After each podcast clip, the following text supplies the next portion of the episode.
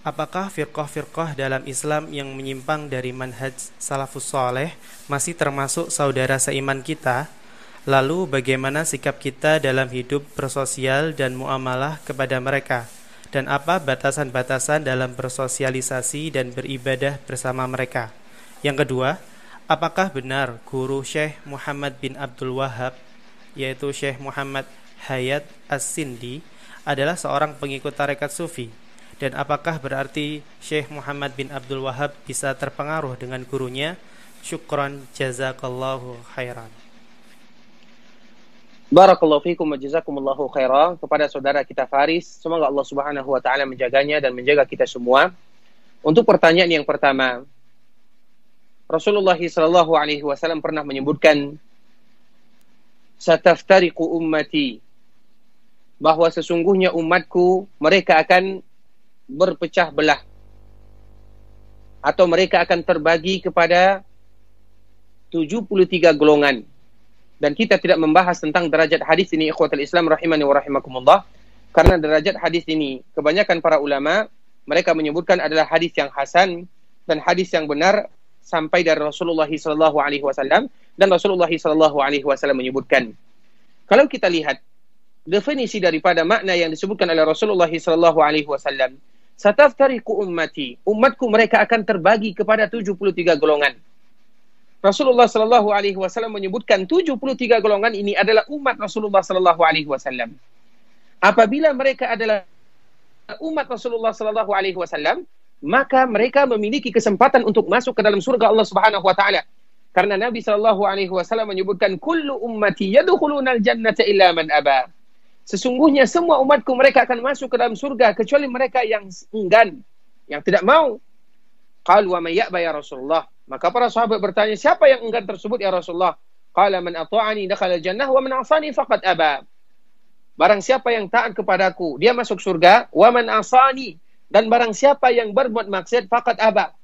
Di dalam penggalan hadis ini, Nabi menyebutkan barang siapa yang berbuat maksiat kepadaku, Nabi tidak mengatakan mereka akan masuk ke dalam neraka karena masih banyak harapan untuk umat Nabi Shallallahu Alaihi Wasallam untuk menjauh dari neraka dan masuk ke dalam surga. Sehingga kalau seandainya kita perhatikan hadis yang mulia ini ikhwatul Islam merupakan bentuk kasih sayang Nabi Shallallahu Alaihi Wasallam.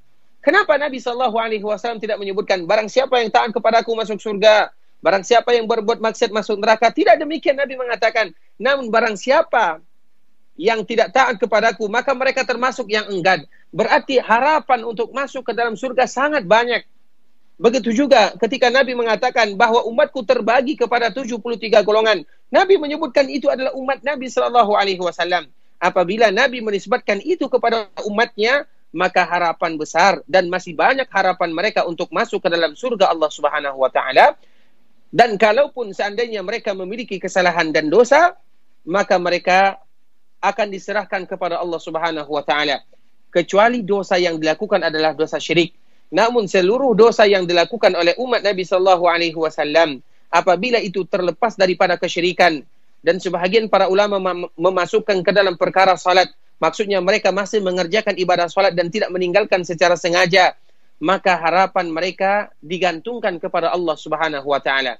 Bisa jadi Allah memaafkan mereka dan menutup kesalahannya dan bisa jadi Allah Subhanahu wa taala mengazabnya sesuai dengan dosa yang mereka lakukan. Namun di akhirnya Allah akan keluarkan dan Allah masukkan ke dalam surga. Karena siapa saja di antara umat Nabi Shallallahu alaihi wasallam yang mengucapkan kalimat tauhid maka mereka akan masuk ke dalam surga sesuai dengan syarat dan rukun-rukun yang telah disebutkan oleh para ulama.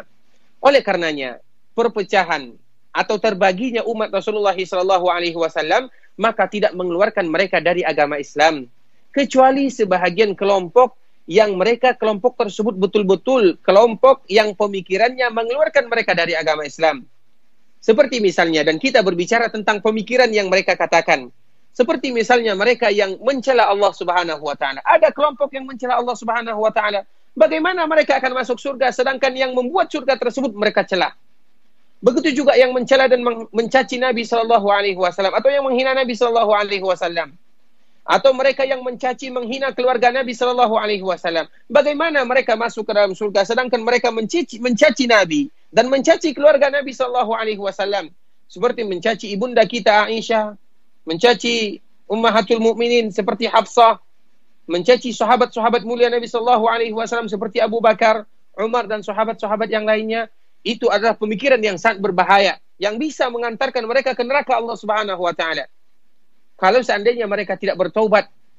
Begitu juga pemikiran yang mengatakan bahwa Al-Qur'an kalamullah tidak sama dengan Al-Qur'an yang diturunkan kepada Nabi sallallahu alaihi wasallam. Oleh karenanya ikhwatul Islam, pemikiran ini adalah pengecualian daripada kelompok yang kita sebutkan bahwa seluruhnya termasuk ke dalam umat Nabi Shallallahu Alaihi Wasallam yang ada harapan mereka untuk masuk ke dalam surga Allah Subhanahu Wa Taala. Sedangkan bagi kita ikhwatul Islam, rahimani wa rahimakumullah, di antara kewajiban yang harus kita lakukan adalah amar ma'ruf nahi munkar. Ketika kita melihat saudara-saudara kita kaum muslimin, mereka mungkin melakukan kesalahan, baik kesalahan tersebut karena syubhat atau karena kesalahan tersebut karena syahwat, maka kewajiban kita adalah untuk memberikan nasihat amar ma'ruf nahi munkar sesuai dengan kesanggupan yang Allah berikan kepada kita. Ada sebahagian kaum muslimin yang mereka amar ma'ruf nahi munkar dengan lisan. Ada yang lain amar ma'ruf nahi munkar dengan tulisan. Bahkan amar ma'ruf nahi munkar yang terendah adalah dengan diingkari dengan hati. Dan ini adalah derajat sesuai dengan kemampuan masing-masing. Nah, kewajiban kita terhadap firqah yang keluar dari manhaj Rasulullah sallallahu alaihi wasallam atau kelompok-kelompok yang keluar dari metode yang disebutkan oleh Rasulullah Sallallahu Alaihi Wasallam, mereka adalah saudara kita sesama Muslim. Dan kewajiban kita saling memberikan nasihat. Bukankah agama ini adalah nasihat?